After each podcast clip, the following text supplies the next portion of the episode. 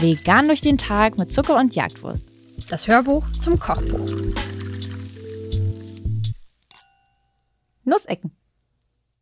Richtig gut gelesen. das, du aber klasse vorgelesen. Richtig, wir befinden uns auf Seite 151 vegane Nussecken. Vielleicht kann man Leute erschrecken einfach. ah, merkt man, dass wir dieses Hörbuch schon etwas länger aufnehmen? Ich weiß es nicht. Wir befinden uns auf jeden Fall immer noch bei ähm, Kaffee und Kuchen. Wie soll das dann erst im Snack-Kapitel werden? Wir nehmen dieses Hörbuch, nur das als ähm, Hintergrundinformation in der Reihenfolge tatsächlich der Rezepte, wie sie im Buch erscheinen, auf. Das heißt, wir haben gerade auch erstmal ein bisschen mehr als die Hälfte geschafft. Also hört mal im Snack-Kapitel rein, da können wir für nichts mehr garantieren. Ach. Wie auch immer, wir sind immer noch seit 101. Jetzt haben wir schon zwei Minuten hier geredet, ohne dass irgendwas zu diesen Nussecken gesagt wurde. Doch, doch, ähm, doch. Im ersten Wort habe ich sie schon direkt reingeholt. Nicht mehr als den Titel.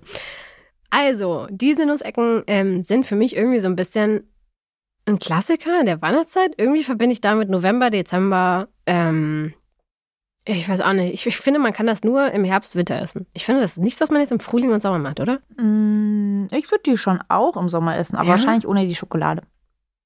Hm, ja, vielleicht. Ähm, richtig, also das sind relativ klassische Nussecken, die ihr hier seht. Ähm, ich verbinde sie mit Weihnachten, Julia vielleicht weniger. Ähm, aber egal, mit was ihr sie verbindet, sie sind auf jeden Fall ein ähm, tolles Rezept, wenn ihr auf jegliche Backform wieder verzichten wollt, denn ihr könnt dieses Rezept auf einem Backblech zubereiten. Es funktioniert wieder so, dass wir eigentlich zwei verschiedene Sachen vorbereiten. Einmal den ähm, Teig. Dafür vermischt man einfach nur ein bisschen Butter mit Mehl, Zucker und so und vermischt das und rollt das dann schön auf dem Backblech aus und dann gibt man darauf eine Nussmischung. Die besteht ein bisschen aus Marmelade, aus veganer Butter, aber auch aus gehackten Nüssen. Wir haben hier 50-50 Haselnüsse und Mandeln genommen. Könnt ihr natürlich ganz nach Geschmack anpassen. Und da würden wir euch auch auf jeden Fall empfehlen, auf die gehackte Variante aus dem Supermarkt zurückzugreifen. Denn die sind einfach sehr gleichmäßig und perfekt gehackt. Wenn ihr könnt natürlich auch selbst gehackte Nüsse nutzen, aber dann wird natürlich euer, eure Nussmischung nicht ganz so schön gleichmäßig und Gerade deswegen äh, spart euch doch ein bisschen Zeit und nehmt einfach die gehackten aus dem Supermarkt. Die funktionieren richtig, richtig super. Ähm, Kann man denn jede Marmelade verwenden, die man möchte? Theoretisch schon, ja. Aber ich glaube, für diese klassischen Nussecken nimmt man schon Aprikosenmarmelade. Das ist schon so der hm, Klassiker von Oma. Ich glaube, Aprikosenmarmelade. Denkst du, viele Leute haben Aprikosenmarmelade im Kühlschrank per se? Ich finde, oder das ist sowas, was man sich morgens auf so ein Brot oder ein Croissant schmiert. Ich finde Aprikosenmarmelade, ehrlich gesagt, ist wahrscheinlich eine meiner liebsten Marmeladen. Vielleicht, oh. weil man sie aber nicht immer hat. Ja, es ist irgendwie irgendwas, was man eher so im Hotelbuffet sich mal mhm. raufschmiert. Habe ich auch eher im Kopf. Ja. Das stimmt. Also ihr könnt diese Marmelade natürlich austauschen. Klassischerweise nimmt man aber tatsächlich Aprikosenmarmelade.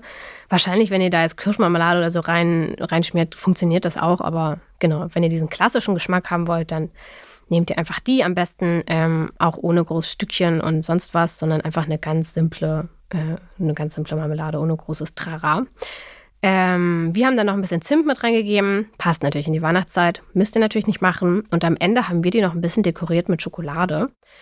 Ähm, ihr könnt eure Nussecken aber natürlich auch einfach reintunken, zum Beispiel bis zur Hälfte, und die dann noch ein bisschen dekorieren oder es einfach so lassen. Ist dann vielleicht ein bisschen schwieriger zu essen und ein bisschen massiver. Aber funktioniert natürlich genauso. Also könnt ihr einfach machen, wie ihr wollt. Da habe ich nichts hinzuzufügen. Ich auch nicht. Ähm, ja, und damit ganz viel Freude. Ihr könnt natürlich auch, ähm, was mir jetzt gerade noch einfällt, eine Sache habe ich noch.